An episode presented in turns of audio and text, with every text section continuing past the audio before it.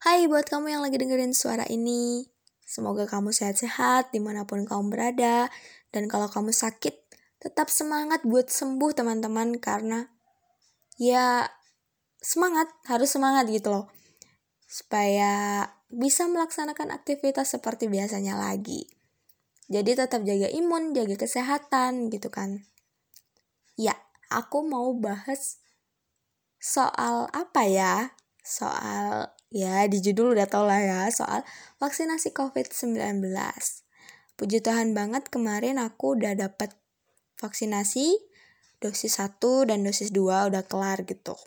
Jadi aku mau cerita ke kamu gimana sih aku bisa dapat vaksinasi itu dan tahapnya gimana.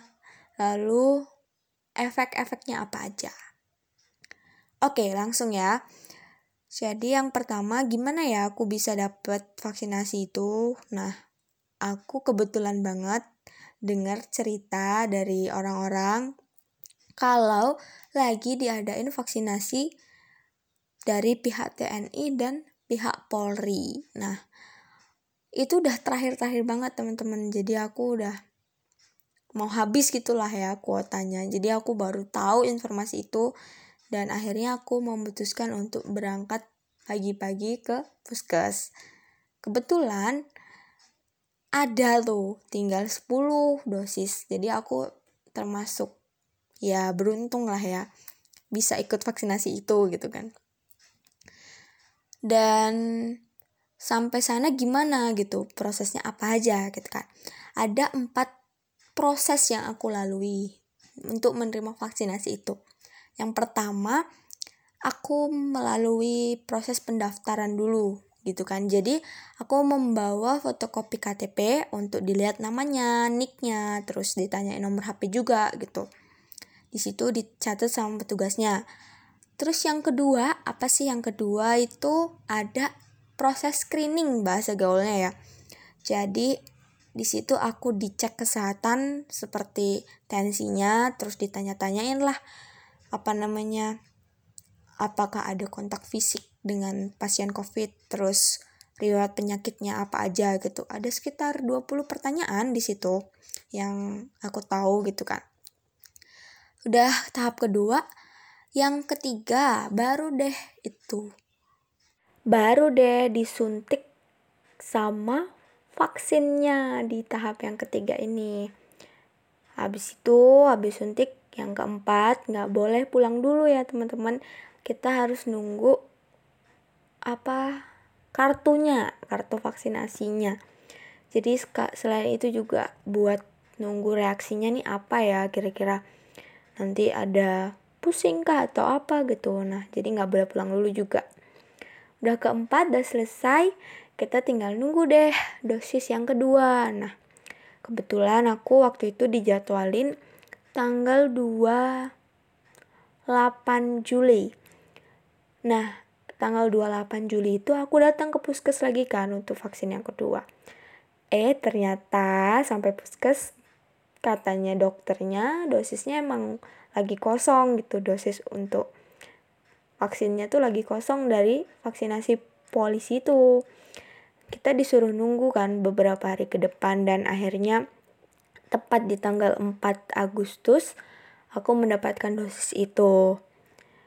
Ya untung aja kan mendapatkan dosis yang kedua gitu. Karena kalau jaraknya terlalu jauh juga aku baca di berita itu nggak efektif gitu loh teman-teman. Vaksinasinya jadinya jadi kurang efektif dosisnya yang udah disuntikin ke badan kita gitu kan Nah, selanjutnya dosis yang kedua juga prosesnya sama kayak dosis yang pertama. Terus lokasi penyuntikannya juga sama, harus aku kan kemarin yang di kiri ya jadi yang disuntik yang di kiri lagi gitu cuman yang aku rasain yang suntikan kedua ini bedanya rasanya agak sakit gitu loh daripada dosis yang pertama entah karena akunya yang tegang waktu disuntik atau apa nah nggak tahu juga ya itu aku yang ngerasain agak sakit gitu daripada yang pertama oh iya aku tadi belum sebutin dosis yang aku terima itu dosis vaksin Sinovac atau corona vaksin gitu.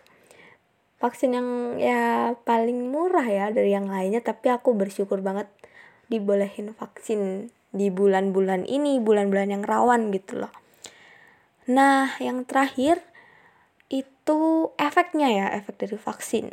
Kalau yang pertama vaksin Sinovac Sinovac nah, Sinovac kan jadinya.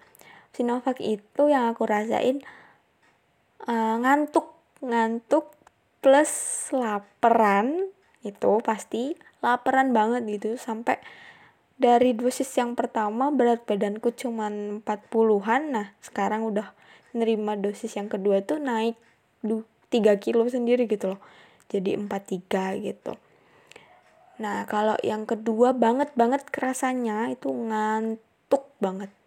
Apalagi habis vaksin itu aku malamnya langsung tidur sampai pagi terus siangnya tidur lagi gitu. Ngantuk banget sih itu kalau yang kedua. Nah itu teman-teman ceritanya vaksinasiku kalau misalnya kalian yang dengerin ini udah vaksin ya puji Tuhan banget gitu kan. Tapi kita tetap jaga kesehatan juga. Jangan mentang-mentang udah divaksin langsung ah males ah pakai masker. Jangan gitu karena dari kasus-kasus yang aku lihat teman-temanku juga kan udah pada vaksin nih. Tapi mereka tetap aja bisa kena apa virus corona itu gitu. Karena mereka bergaulnya sama yang belum belum vaksin gitu kan. Jadi kekebalannya tuh belum terbentuk gitulah istilahnya. Ya kalian tahu sendiri lah ya apa. Nah jadi kita tetap jaga kesehatan juga lewat menerapkan protokol kesehatan tentunya. Terus kalau dari luar mandi gitu kan cuci tangan gitu Jag berjarak atur jarak gitu. Terus kalau buat kalian yang dengerin ini belum divaksin ya saranku cepet-cepet aja cari informasi vaksinasi massal juga tuh baik. Apalagi yang lagi di luar kota nih yang nggak di kotanya sendiri itu carilah vaksinasi massal. Tapi ya dalam vaksinasi massal itu tentunya ya tetap kita lihat dulu ada kuotanya apa enggak gitu kan jangan sampai nanti kita ngantri panjang-panjang taunya nggak ada kuotanya. Itu itu kan itu malah mau bazir banget ya membuang-buang waktu gitu kan. Pastikan kalian tuh dapat kuota gitu teman-teman segitu aja ceritaku. Semoga ada manfaat dan faedahnya.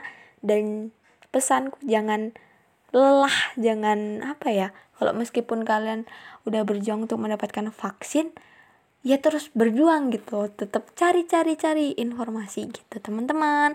Sekian ceritaku kali ini. Semoga bermanfaat dan sampai jumpa di episode yang lain. Bye bye